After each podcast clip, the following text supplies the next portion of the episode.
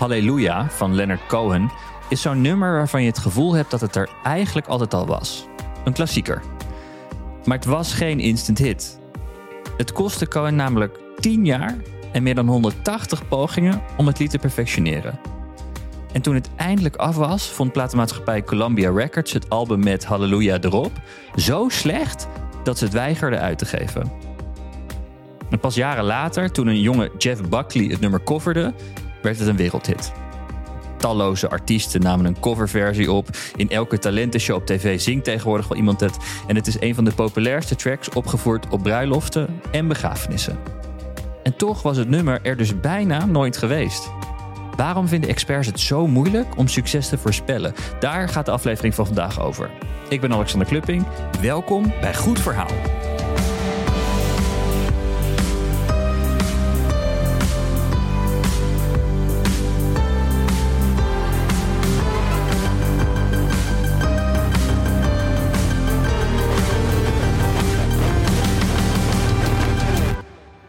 Goed Verhaal kiezen we elke week de beste verhalen voor je uit en geven we ruim baan aan talentvolle makers. En er staan al tientallen afleveringen van deze podcast voor je klaar. En wil je die bingen? Dan kan dat via Podimo. Ga daarvoor naar podimo.nl slash goedverhaal en dan kun je de eerste 30 dagen gelijk gratis luisteren.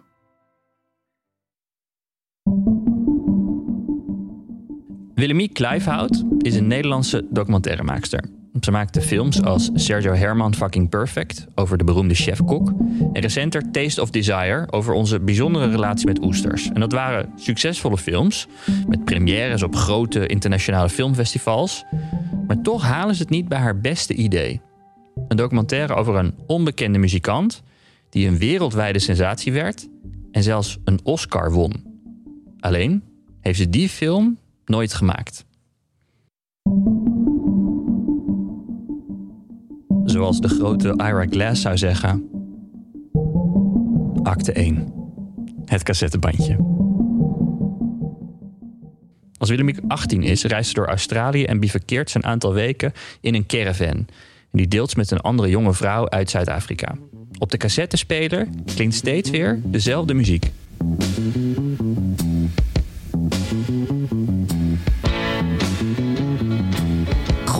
Muziek, wat is dat? En ze zei, ja, dat is van uh, Rodriguez. En ehm, ja, er was een zanger die was uh, overleden aan uh, waarschijnlijk een overdosis drugs. En ik vond het echt heel tof. En vooral het liedje I Wonder. Ja, voor mijn gevoel hele profetische, poëtische muziek. En waarvan elke tekst bij mijn leven op dat moment paste.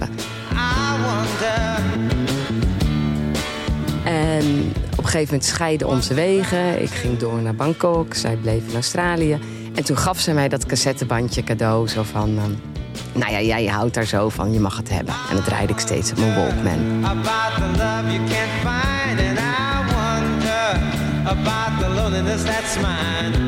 En toen raakte Willemiek dat cassettebandje kwijt in Bangkok... en dacht dat ze in Nederland die muziek wel terug kon vinden ja, ben ik naar platenzaken geweest. Zei ik van, goh, ik zoek de muziek van Rodriguez. Nou, iedereen kwam natuurlijk aan met Spaanse gitaristen en andere Rodriguez'en. Dat had niemand. En ik probeerde de liedjes wel te zingen, maar ik kan niet zo heel goed zingen. Dus dat, uh, dat uh, ja, leidde meer tot gelach dan erkenning of zo. En ik, ik kon het gewoon niet meer terugvinden. En het leek alsof niemand ooit van Rodriguez had gehoord. En alsof ik die muziek verzonnen had. Je moet je voorstellen dat dit in een tijd was waarin internet nog niet zo groot was en er niet echt zoekmachines waren. Anders zou je kunnen zeggen, je kan het wel even googlen, maar dat kon dus niet. Ze dacht dat ze de muziek voor altijd kwijt was. Tot zeven jaar later. Rond 1997 zat ik in een café in de Jordaan. Het heette Leg Af. Ik weet niet of het er nog is. En in één keer hoor ik dat liedje, gewoon mijn liedje, I Wonder. En ik had zo, oh, wow, uh, ik moet onmiddellijk uh, uitzoeken van wie het is. Dus ik ren naar de bar, ik zeg, wat is die muziek? Van wie is het? Kan ik het hebben? Uh, nou zeggen ze dat is van de kok. Um, en die is er vandaag niet, die komt morgen weer. Dus kom morgen terug en dan moet je het aan hem vragen.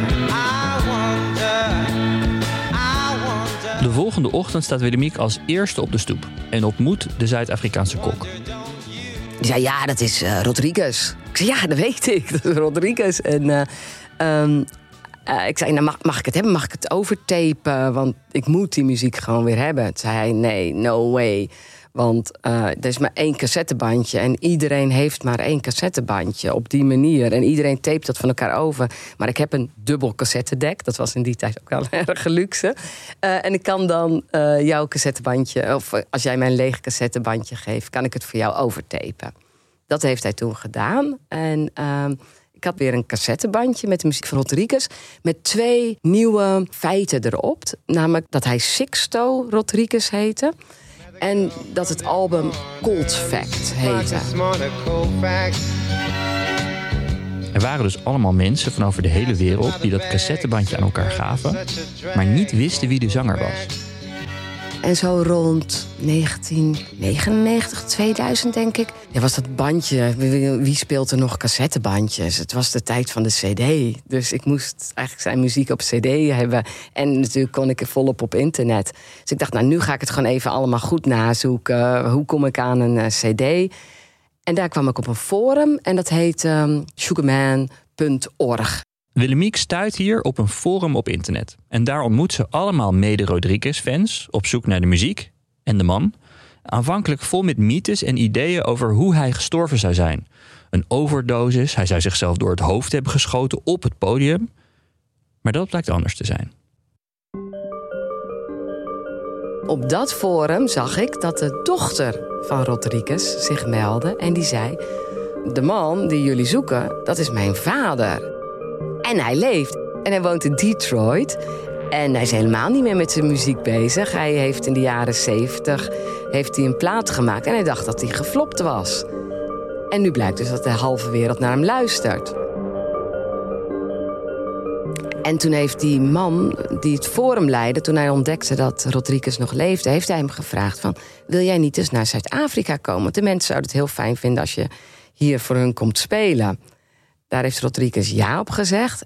En toen bleek hij de stadions uit te verkopen.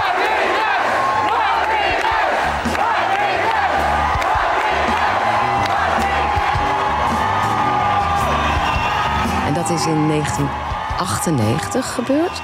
Dus toen ik op het forum kwam, begreep ik van nou, de man is dus echt wereldberoemd. Of ja, wereldberoemd, echt heel beroemd in Zuid-Afrika. En een soort van ja, arme sloeber in uh, Detroit. Dus dat contrast dacht ja, dat is een waanzinnig verhaal. En daar moet ik een documentaire over maken. Het is vandaag nog moeilijk voor te stellen, maar informatie reisde in die tijd dus nog moeilijk rond zonder internet. Maar Willemiek was gestuurd op een bizar verhaal, zoveel was duidelijk.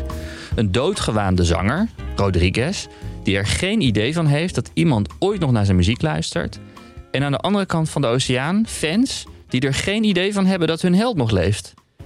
Dat is de basis van het filmplan dat Willemiek opschrijft en de titel Zero Here, Hero There meegeeft. Een verhaal over de relativiteit van succes. Maar hoe voorspellend dat gaat zijn, weet ze dan nog niet. Acte 2. Detroit en Londen. Wij hebben denk ik vier jaar aan deze film gewerkt. Dat is begonnen in 2002, 2003, 2004, 2005. En wij hebben samen drie kinderen in die tijd gebaard. Daar moest ik wel. Dacht ik, jeetje, Mina. Hey. Dus in die fase zat ik wel van mijn leven. Ik heb een kind gekregen. Jij hebt een kind gekregen. Dus het was ook wel een beetje een hysterische periode in ons leven. Willemiek spreekt hier met producent Reinette van de Stad, die deze documentaire zou gaan produceren. Wij zijn samen afgestudeerd in 2000. In mijn herinnering kwam jij in 2002 met dit idee. En eigenlijk het eerste wat je dan als producent bedenkt van zie ik dit zitten? Nou, oké, ja, ik zag het zitten. En dan ga je bedenken waar ga ik naartoe? Waar ga ik geld halen? En een van de allereerste dingen die we bedachten was om ontwikkelingssubsidie aan te vragen bij het Filmfonds. Dat hebben we gedaan in 2003. Uh, eh, dus Stefan Segeman, de moderator van het forum, heb ik benaderd. En gevraagd van, uh, kun je in contact komen met Rodriguez? En hij zei, nee, met Rodriguez niet. Want niet omdat hij dat niet wil, maar de man heeft geen internet. De man heeft geen telefoon. Dat is gewoon heel zo belevend iemand. Maar ik kan je in contact brengen met zijn dochter. Vrij snel heb je besloten om daar naartoe te gaan. Wat natuurlijk een hele goede beslissing is. Want je weet niet of jouw hoofdpersoon ook met jou mee wil werken als jij hem nooit ontmoet hebt. Dus ik uh, kocht twee tickets. Ik ging eh, zelf met mijn eh, vriend destijds, Bram, eh, die foto's zou gaan maken naar Detroit. En we bleken niet met z'n tweeën te zijn. Ik bleek ook net zwanger te zijn geworden. dus wij kwamen aan in Detroit. Detroit is, is al best wel spannend. Want wij dachten, wij nemen een hotel downtown Detroit. Maar Detroit, de binnenstad, is volledig verlaten. Na de rasserellen van de jaren 60 is iedereen daar verdwenen. Dus we bleken echt in de slechtste buurt van Detroit te zitten. Eh, het was ook, geloof ik, min 15. Echt ijs en ijskoud. Uiteindelijk eh, ontmoetten wij zijn dochter Regan. En die nam ons mee naar hun huis. En zij was echt super gastvrij. En eh, eh, we klikten eerlijk gezegd onmiddellijk. En zij vond het een prachtig plan als we een documentaire zouden gaan maken over haar vader. En ik denk dat zij een beetje de, de keuring was. Want toen besloot ze ook, ja, je gaat ook mijn vader ontmoeten. Maar dan moesten we weer de straat op. En dan reden we in de auto en dan zouden we hem ergens ontmoeten. Ik zie lege, besneeuwde straten. We zitten in de auto, een grote Amerikaanse auto. We horen hier Bram de Groei, die mee was als fotograaf. En op een gegeven moment zie ik door het raam een donker silhouet op de stoep lopen. Ja, het is een, het is een man met een hoed en een, en een zwarte leren jas. En nou, hij heeft een gitaarkoffer op zijn rug. Ja, het deed me echt meteen denken aan een nummer van Rodriguez. eh, Inner City Blues of zo. Going down a dirty inner city side road. I plotted. Hij komt naar ons toe lopen en eh, hij stapt in. Hallo, ik ben Rodriguez. Hele zachte stem. Ja, dat vond ik waanzinnig natuurlijk. Want ik had hem, kende alleen maar zijn muziek en ik dacht dat hij dood was. En daar, daar leeft hij nog. She shot it. Elke keer als ik mijn fototoestel tevoorschijn haalde, dan voelde ik al aan hem dat hij een beetje dook en nou ja, het ontweek. Maar nou ja, met, met enige voorzichtigheid is dat toch gelukt. Heb ik toch een paar foto's gemaakt. En die foto's zijn hartstikke cool geworden. Eh, maar ja, het was niet altijd even makkelijk. Soms twijfelde ik wel hoe goed is iemand als documentaire personage.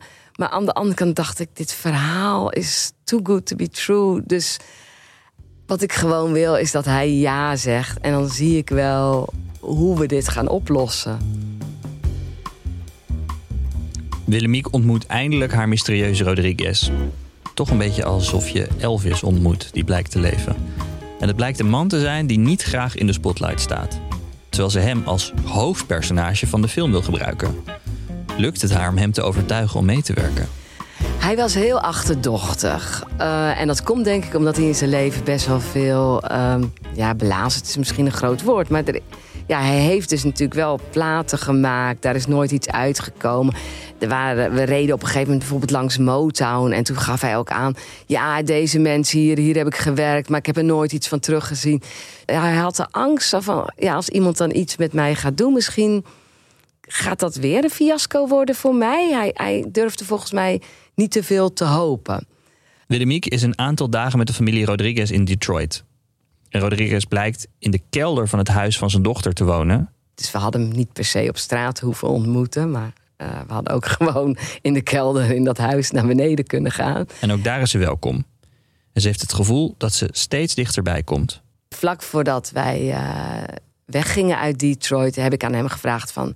Rodriguez, vind je het goed als, wij, als ik een documentaire over jou ga maken... en als ik daar in Nederland nu financiering voor ga zoeken? En toen zei hij van... Ja, je bent als een soort Columbus naar Amerika gekomen. Dat vind ik heel dapper van je. En ik denk dat je ook dapper genoeg bent om deze documentaire te maken. Dus eh, doe het. Nou, dus eh, ik ging die documentaire maken. Echt super blij. Ja. En toen moest je dus geld hebben, want zo gaat dat als je een documentaire wil maken. Toen ging je naar fondsen. Reageerden daar mensen enthousiast? Daar werd enthousiast op gereageerd. Dus het Filmfonds had wel iets van... wow, die muziek, wat een interessante muziek. En eh, ja, dit zou nog wel eens een verhaal kunnen worden. Dus ik wist ook altijd wel van, nou, dat filmfonds, dat gaat wel lukken. Als we, die, als we die doortrekken richting realisering. Dit was alleen maar ontwikkeling. Als we dan realisering gaan aanvragen, dat zit wel goed. Maar dat was niet voldoende om de hele film te maken. Dat mag ook niet. Je kan niet alleen naar het filmfonds om je film te financieren. Zij willen nooit de enige financier van een film zijn. Want dan kan je weer via de omroep, krijg je maar een klein beetje van, aanvraag doen bij de fondsen die gelieerd zijn aan de omroep. En ik ging met dat waanzinnige verhaal naar de omroepen. Maar eh, bij de omroepen kwamen al dingen terug als... eh, nee, dat heeft niks met Nederland te maken. Want Dat was dan zo'n ding dat het een Nederlandse angle moest hebben of zo. En dan was er natuurlijk heel veel vragen over de muziekrechten. Want ehm, uiteraard, als je een documentaire maakt en je wil uiteindelijk uitzenden alleen bij de omroep, dan heb je niet zo'n groot probleem. Dan, kan, dan is er een hele mooie deal met Buma Stemra en kan je al die muziek van Rodriguez laten horen. Maar op het moment dat je naar buiten wil en dat je naar de bioscoop wil, dan moet je al die rechten afkopen. Nee, en het andere punt voor omroepen, en dat is ook altijd een punt wat vaak terugkomt, is als een onderwerp in het verleden is gebeurd. Het sentiment in die tijd was echt wel dat het lastig is als het hele verhaal zich al heeft afgespeeld. En dit was toch veel meer ook een construct. Nou ja, een detective wilde jij ervan maken. Dus een who done it. Dus veel meer teruggaan en weer uitzoeken. En, en dat zagen ze gewoon echt niet zitten. Ja, 1998 had hij dan opgetreden in Zuid-Afrika. En het was nu ongeveer 2000. Terwijl, ja, hij ging nog een keer daar naartoe. Ehm, Je bent er nog steeds boos Ik over. ben nog steeds een beetje boos over. Het was gewoon zo'n onwijs goed verhaal. Dat vond ik ook echt. Eh, er waren natuurlijk ook angsten van... je bent een jonge maakster. Eh, er was al een keer een mannelijke regisseur naar Amerika geweest.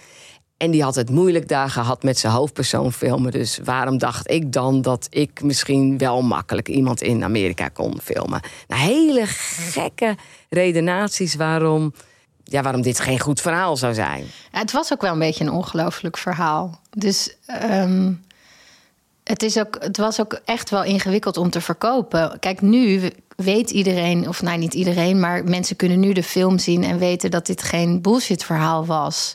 Alleen, ja, dat was toen, was het echt heel onduidelijk van, hè, maar wat is dit voor een vreemd verhaal en wie is die man dan?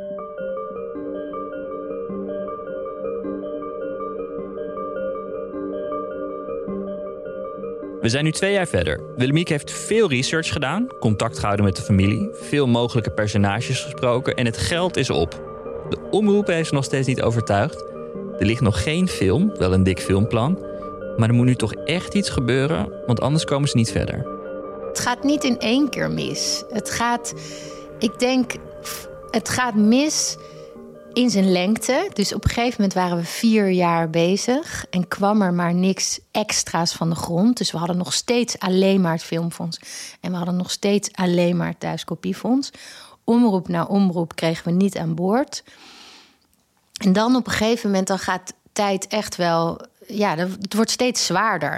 Op een gegeven moment hebben we de beslissing genomen van. Potverdorie, we gaan wel gewoon nog een laatste poging doen. En dat is een realiseringsaanvraag doen bij het Filmfonds. We gaan gewoon met niet een heel groot budget, gaan we toch die film maken. En dat is bijna een beetje al het laatste wat we hebben gedaan. Um, en dan komt dat concert. En toen kreeg ik een bericht van Stefan Segeman, de man die uh, het forum ook had opgezet. Die zei: Weet je wel dat Rodriguez in Londen gaat optreden binnenkort? En dat is voor jou wat dichterbij. Uh, misschien een idee om daar naartoe te gaan. Ik zei: Nou, zeker, heel goed idee. Ik heb nog steeds dat geld niet gevonden. Uh, dus ik ga dat filmen en dan kan ik iedereen overtuigen dat Rodriguez zeker de moeite waard is om een documentaire over te maken. Het lukte alleen niet om Rodriguez zelf. Uh, uh, om daar contact mee te hebben. Nou ja, omdat de man dus geen telefoon heeft en alles. Zijn dochter zei wel van: Ik ga mee, uh, leuk, ik zie jullie daar. Stefan Segerman, die zich een beetje opwierp als zijn manager, zei ook van: Nou. Ik zie jullie daar en ik vroeg wel van mag ik bij de soundcheck zijn? Ja, dat was misschien nog even ingewikkeld, maar aan de andere kant, het kwam goed als wij daar waren in Londen. Nou, ik, weet- wat, wat wel als eerste opviel bij mij was dat we per se in een bepaald hotel moesten zitten. Je hoort de camera en geluidsman die mee waren naar Londen. Want daar zat ook de manager en daar hadden we eigenlijk nog niet echt het telefoonnummer van of contact. En volgens mij was toen het idee van, ja, als we nou maar in hetzelfde hotel zitten, dan komen we hem bij het ontbijt wel tegen of zo. Nou, dat is, dat is eigenlijk best wel ongebruikelijk om zo met een, toen nog met zo'n hele ploeg en een grote camera die kant op te gaan. Dus het was in die zin ook een heel avontuurlijk project. Vanuit het hotel belde ik de venue en ik vroeg of ik bij de soundcheck kon zijn. En toen zeiden ze al van... Nou, dat wordt echt heel ingewikkeld, want Rodriguez is echt heel zenuwachtig. En die wil nu even dat er niemand bij is.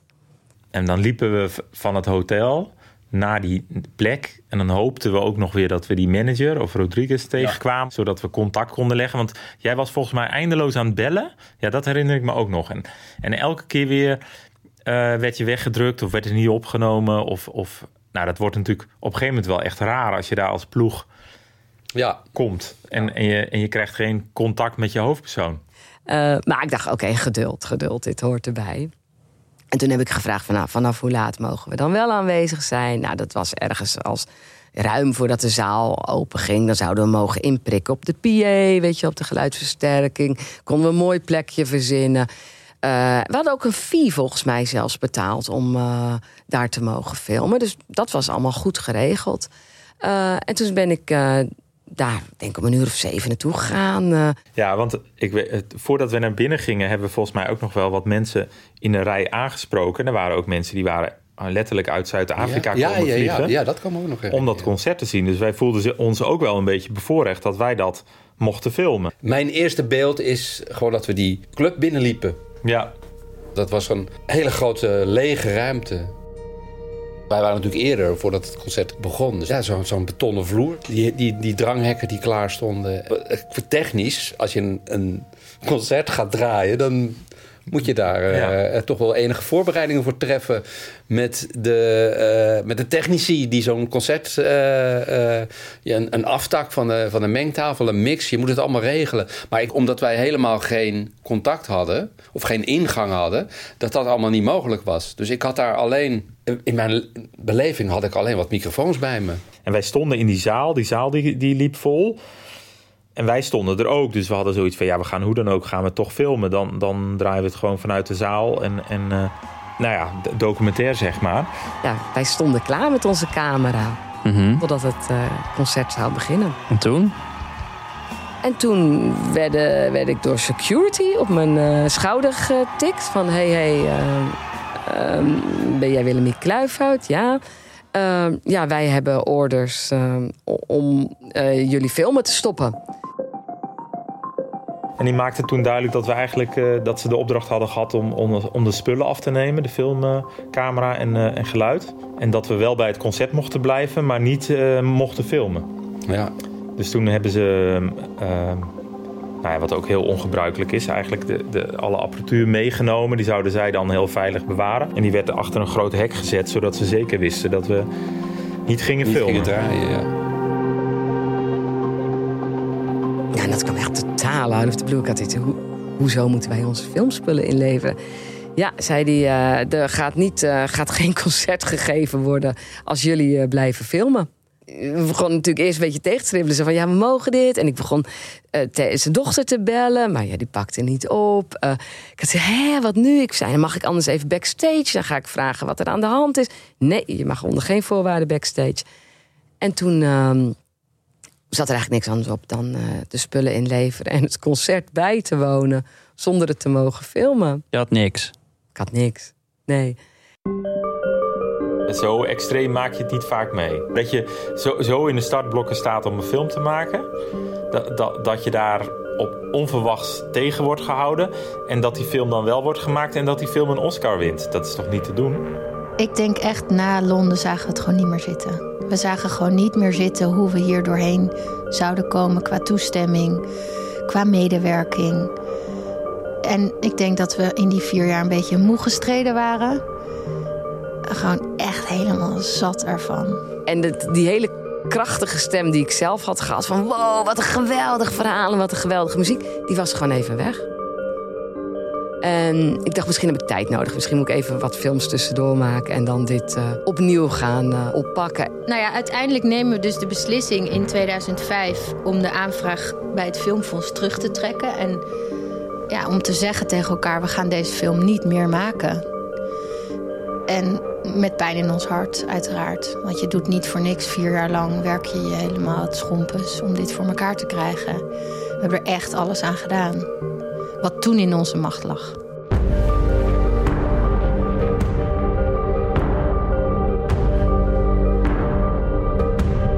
Rodriguez had twee prachtige platen gemaakt. En hij had succes, zonder dat hij het door had weliswaar. Maar aan de andere kant van de wereld vierden mensen hem.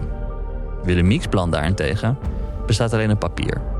Sterker nog, op de website van een productiemaatschappij plaatst Willemiek een foto uit Detroit, een klein verhaaltje en zet het weg onder het kopje Aborted Stories. En zo gaat het natuurlijk met heel veel projecten van gedesillusioneerde makers, van ondernemers, van kunstenaars. Je hebt een idee, maar het blijft op de plank liggen en het sterft een vroegtijdige dood. En wat doe je dan? Dan herpak je jezelf en je neemt je geleerde lessen mee. Je zal nooit weten of het idee succesvol had kunnen zijn. Maar in dit verhaal loopt dat iets anders. Acte 3. De Zweedse regisseur. En ik ben aan het werk. Ik weet nog aan een andere documentaire. En mijn producenten die belt. Ja, dat is voor mij wel echt een heel erg shocking moment geweest. Zat ik bij het, ehm, het filmfestival ehm, in Amsterdam, het ITVA, het documentaire festival. En in 2008. En daar is altijd een soort internationaal professioneel gedeelte. Dus daar worden geen films getoond die al klaar zijn. Dus niet gewoon echt in een bioscoop. Maar daar is een apart circuit. En ehm, dat is voor producenten en voor makers om daar hun nieuwe projecten neer te leggen. En dan proberen ze eigenlijk met elkaar ja, dat aan elkaar voor te leggen en dan financiering daarvoor te vinden. En zo zat ik in een zaaltje ehm, in Amsterdam te luisteren naar de pitches. Zo heet dat dan een pitch. Dat iemand dus zijn verhaal komt vertellen. Dit wil ik gaan maken. Doe jij mee? Um, en dat kunnen dan co-producenten zijn die zeggen: Oh ja, ik doe mee. Of een, of een sales agent of een financierder. Um, en in dit geval kwam, zat ik in de zaal, ging het licht uit en begon het, het nummer Sugarman te spelen. Sugarman, won't you? I'm tired of these scenes. En ik, ik werd helemaal misselijk. Ik dacht, hoe, deze muziek, wat doet dat hier? Toen dacht ik nog een seconde van het kan dat deze muziek gebruikt wordt voor een documentaire. Maar nee hoor, daar kwam een beeld van Rodriguez in beeld. En daar kwamen de makers en die gingen dit verhaal vertellen. En het verhaal was exact een kopie van ons verhaal. Exact. En als je nu de gids terugleest, wat er wordt gezegd, de logline is dan altijd drie zinnen. Ja, die is gewoon identiek aan die van ons.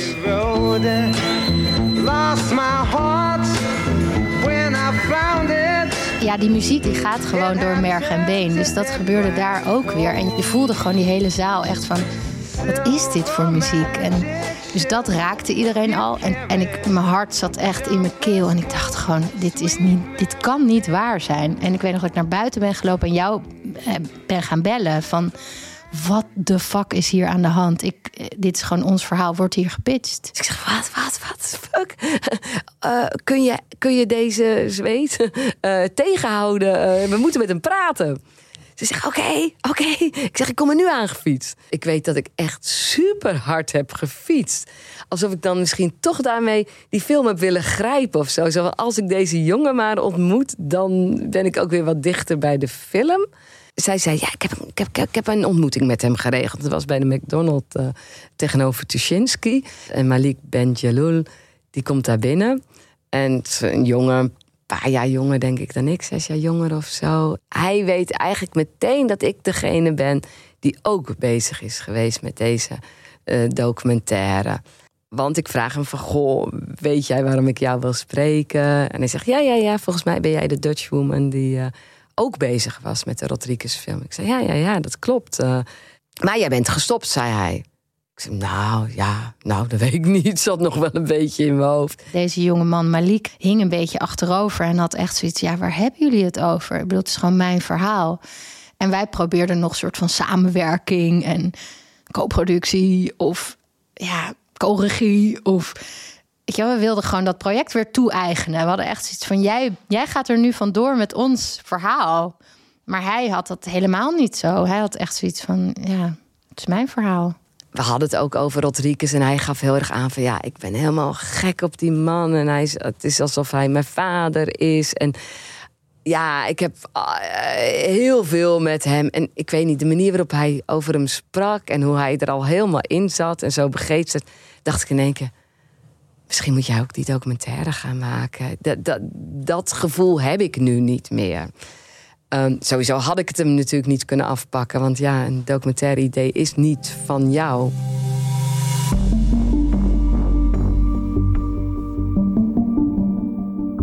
Het is natuurlijk wel heel pijnlijk. Iemand anders jouw idee horen pitchen. Willem, ik denk niet dat Malik het idee van haar had. Waarschijnlijk is hij er zelf opgestuurd of, of het idee op hem.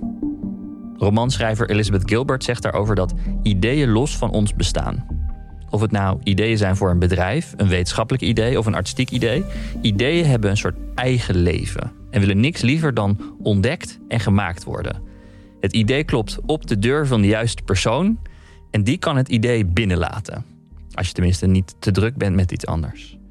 En dan verwacht het idee dat je er werk van zult maken, dat er iets uitkomt. Het zal niet altijd op je blijven wachten, dus als je er niet goed voor zorgt, zal het de koffers pakken en klopt het bij iemand anders op de deur. En misschien is dat wat hier is gebeurd. Het zal ook niet voor het eerst zijn dat verschillende mensen los van elkaar hetzelfde goede idee bedenken. Soms hangt het gewoon in de lucht. En Willemik's idee voor haar documentaire heeft nu aangeklopt bij een ander. Acte 4. De Oscars. Hij ging met dat plan verder. En ik probeerde het te vergeten. Maar het werd wel een soort van obsessie of dwangneurose. Dat ik elke keer ging googelen bij zijn productiemaatschappij. Van hoe ver staat het met die film? Obsessief kijkt Willemiek op internet of de film over Rodriguez al in de maak is. Met ergens in haar achterhoofd het idee dat ze het alsnog zelf zou kunnen doen. En op de site van de producent ziet ze dan... Dat er helemaal geen film in de maak was. Wat me een rustig gevoel gaf.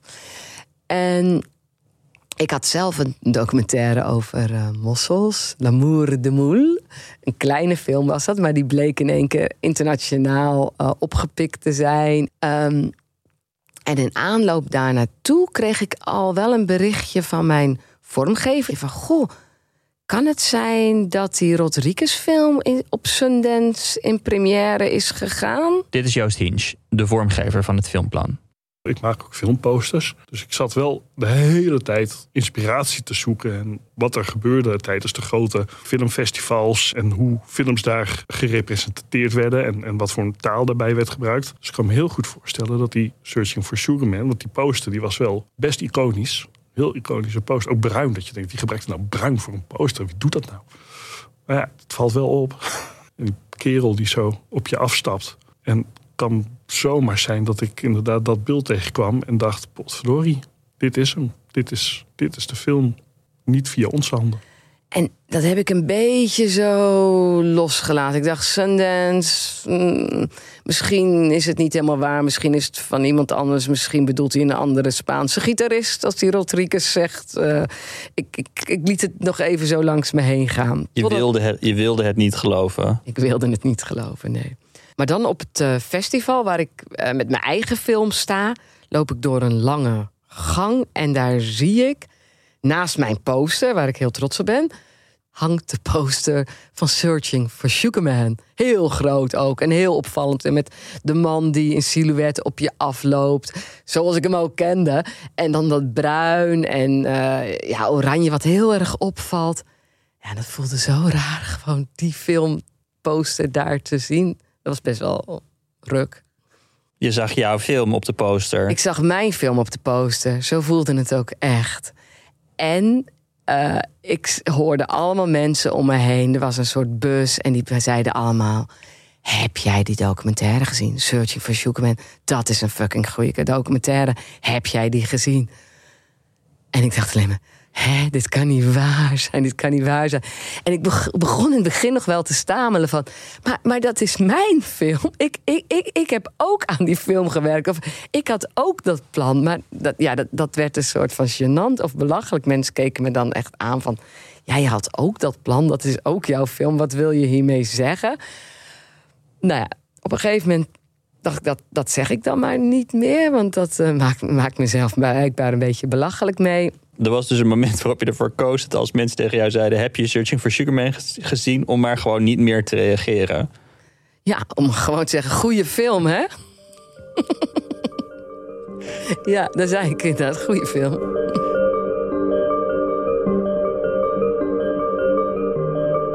Als hij eerst op Sundance in première is gegaan. ehm, nou ja, dat is eh, sowieso echt een heel goed festival. In die zin dat zoveel films eh, selecteren ze daar niet. Dus als je op Sundance eh, wordt geselecteerd. Dit was natuurlijk een Europese maker. Dit was een Zweedse maker. Dat is vrij uniek. Natuurlijk met een Amerikaans onderwerp. Waardoor je al iets meer contact hebt met Amerika, Sundance eh, in Ohio. Ehm, maar Sundance is echt een goed platform om te beginnen met je film. Dus daar was hij al meteen een groot succes. En toen heeft hij eigenlijk een hele tour gemaakt langs alle grote filmfestivals ehm, over, eh, over de hele wereld. Wat er gebeurt op al die filmfestivals is eigenlijk dat daar zijn heel veel distributeurs. En die ehm, eh, kopen jouw film voor in hun land. Dus hij kreeg ook enorm veel eh bioscoop-releases in allerlei landen. Hij is echt in, aan alle landen verkocht. En heb je de film gezien? Ik heb de film ehm, voor het eerst gezien op ITVA 2012. Het Internationaal Documentaire Festival Amsterdam. Je hebt dus gewacht met de film kijken. Ja, ik heb echt even gewacht met de film kijken totdat ik eraan toe was. Ja. Ja. En ik probeer even te bedenken met wie ik was. Maar volgens mij heb ik de film ook in mijn eentje gezien. Ik zat links voor, want ik dacht, ik moet eruit kunnen als ik echt dit niet trek. Als ik die film niet trek, dan moet ik de nooduitgang kunnen vinden. Kijk, ergens hoop je dan ook nog dat hij niet heel goed is, denk ik. Zo van, nou, ik zou misschien beter hebben gemaakt. Allemaal hele kinderachtige gedachten, denk ik nu achteraf. Ja, en aan de ene kant was ik vol bewondering... en aan de andere kant was ik ook een beetje misselijk. Maar de film begon en hij nam me meteen mee. En natuurlijk, de muziek is fantastisch. Maar ik vond het verhaal ook zo goed verteld. Ja, ongeveer zoals ik het zelf zou verteld hebben. Maar achteraf denk ik, nee... Hij, hij heeft het gewoon zo goed gedaan. Ik, ik, ik weet, ik denk helemaal niet dat ik ooit die film zo goed gemaakt zou hebben. Dat, dat moet ik nu ook eerlijk bekennen. Hoe heb je het succes van de film ervaren? Een soort wond waar je dan de hele tijd weer eh, in loopt te peuren. Ik las de recensies, die waren laaiend enthousiast. Hij ging van het ene festival naar het andere festival. En dan won hij dan ook alle prijzen. Hij won de BAFTA. En op een gegeven moment ja, was hij genomineerd voor de Oscars. En ook dat is dubbel, hè? Want ik had ook een gevoel van genoegdoening. Dat ik dacht, hey, al die mensen die tegen mij zeiden... dit is geen goed verhaal. Jongens, zie nou dat dit een waanzinnig verhaal is. Iedereen wil deze film zien. Dit, dit klopt gewoon. En aan de andere kant dacht ik, ja, maar ik had best wel diegene willen zijn... die met deze film naar de Oscars zou zijn gegaan. Maar ja, dat was ik niet. Okay, and the Oscar goes to Searching for Sugar Man.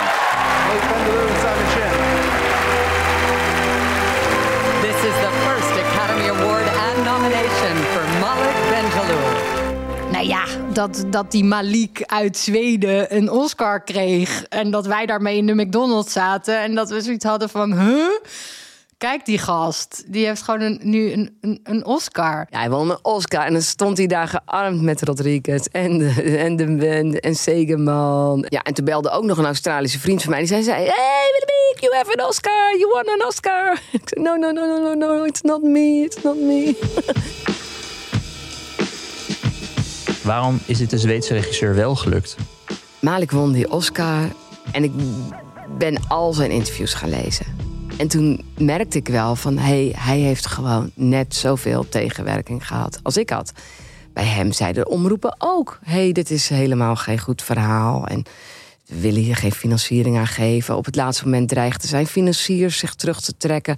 Het was heel erg ingewikkeld voor hem om uh, Rodriguez te filmen. Het was echt niet zo dat hij zei: Ja, kom maar op met de camera en je mag dat doen. Daar moest hij ook allemaal omtrekkende bewegingen voor maken. Het heeft hem ook al met al bijna zes jaar uh, gekost. Uh, hij had geen geld meer, is op eigen houtje gaan monteren. Hij heeft met zijn mobiel de laatste dingen nog gefilmd. Het verschil is wel dat hij heeft doorgezet. Hij heeft gewoon wel in zijn eigen verhaal geloofd. En ik heb op een gegeven moment gedacht... ja, de anderen weten het misschien beter... en ik moet hiermee stoppen. En dat heeft hij niet gedaan. En dat maakte het wel iets makkelijker om uh, te zeggen... ja, hij, ja, het is verdiend ook in die zin.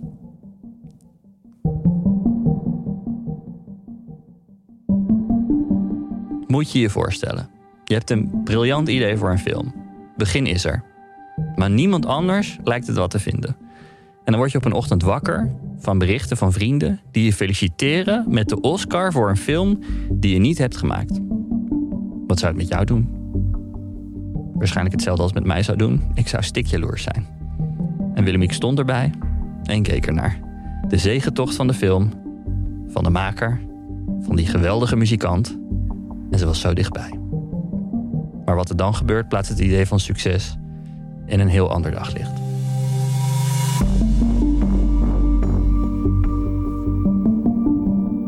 Acte 5. Succes. Dan in 2014 pleegt hij zelfmoord. Swedish director Malik Banjalul has died at the age of 36. His body was found in the Stockholm area where police could not confirm the cause of death but said no crime was suspected.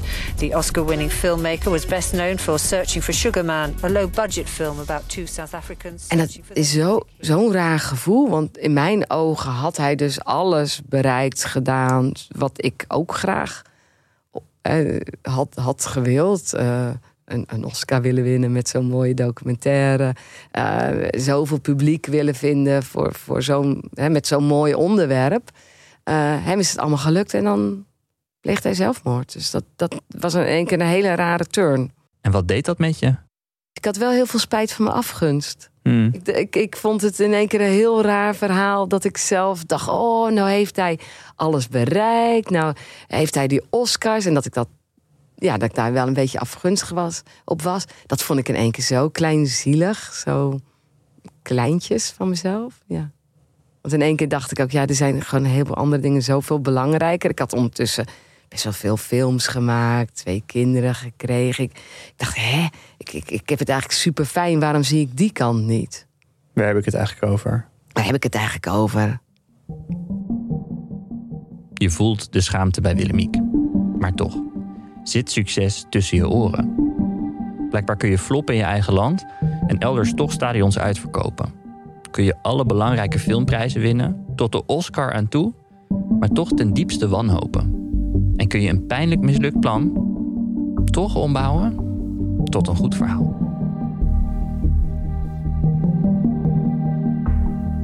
Ja, Willemiek, wat heb je ervan geleerd? Oh, ik heb nu zoveel andere gedachten daarover. Oh mijn god. Ik zou echt nooit meer luisteren naar anderen die zeggen: Oh, dat is geen goed verhaal. Ik zou echt alleen maar denken: als je zelf gelooft dat het een goed verhaal is, dan moet je er gewoon voor gaan. Want niemand weet dat totdat het verhaal verteld is. Kijk, wat natuurlijk ook een feit is, is ik zal nooit geweten hebben of mijn film hetzelfde succes zal hebben gehad als die van Malik, als Searching for Sugar Man. Het is ook maar net hoe je het aanpakt, op welk moment in de tijd een film naar buiten komt. Het is gewoon jammer dat ik bang ben geweest en angstig dat het niet ging lukken. Want uiteindelijk, en dat heb ik later mogen ervaren, je hebt zoveel tegenwerking altijd in documentaires. En dan moet je er gewoon linksom of rechtsom omheen gaan.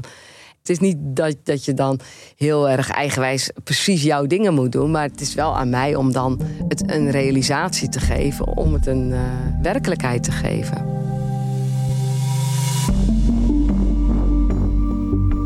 Ik denk altijd maar zo, het leven is een aaneenschakeling van gemiste kansen. Maar met een beetje geluk heb je een paar goede verhalen om na te vertellen. Met heel veel dank aan Willemiek Kleifhout, die dit verhaal vertelde en regisseerde. Was het nou heel anders dan een eh, documentaire maken eigenlijk, een podcast maken? Nou, het begon er steeds meer op te lijken. Dat had ik niet verwacht. Ik dacht dat dit een stuk makkelijker was, want het was alleen maar in geluid. Maar eh, nee, het is toch wel de zoektocht geweest. Nou, we bedanken dus Willemiek, haar partner, mag ik dat zo zeggen, je partner? ja hoor, Bram de Groei. nog steeds. Ja, die, die deed de montage. De eerste keer dat jullie professioneel samenwerkten was omdat jullie de film over Rodriguez gingen maken. En nu bij deze podcast, al die jaren later, werken ze voor het eerst opnieuw samen. Dus de cirkel is wel mooi rond, toch? Zeker mooi rond. Oké. Goed verhaal trouwens ook. Willemiek bedankt producenten Reinette van de Stad, crew Jelle O'Day en Rob Dul, vormgever Joost Hinch, coach Pieter Fleury voor al hun herinneringen. De prachtige muziek is natuurlijk van Rodriguez. En je hoorde een fragment uit de tv-doc Dead Man Don't Tour en natuurlijk de film Searching for Sugar Man. Nog even dit. Denk je aan zelfmoord of maak je je zorgen over iemand? Praten over zelfmoord helpt en kan anoniem via de chat op www.113.nl of telefonisch op 113 of 0800 0113. De eindredactie was van Charit Alles. Tot volgende week. Heb jij zelf nou ook een goed verhaal en zou je dat graag willen maken? Mail dan gewoon. Je kan me mailen op alexander.goedverhaal.show. Ik kijk er naar uit.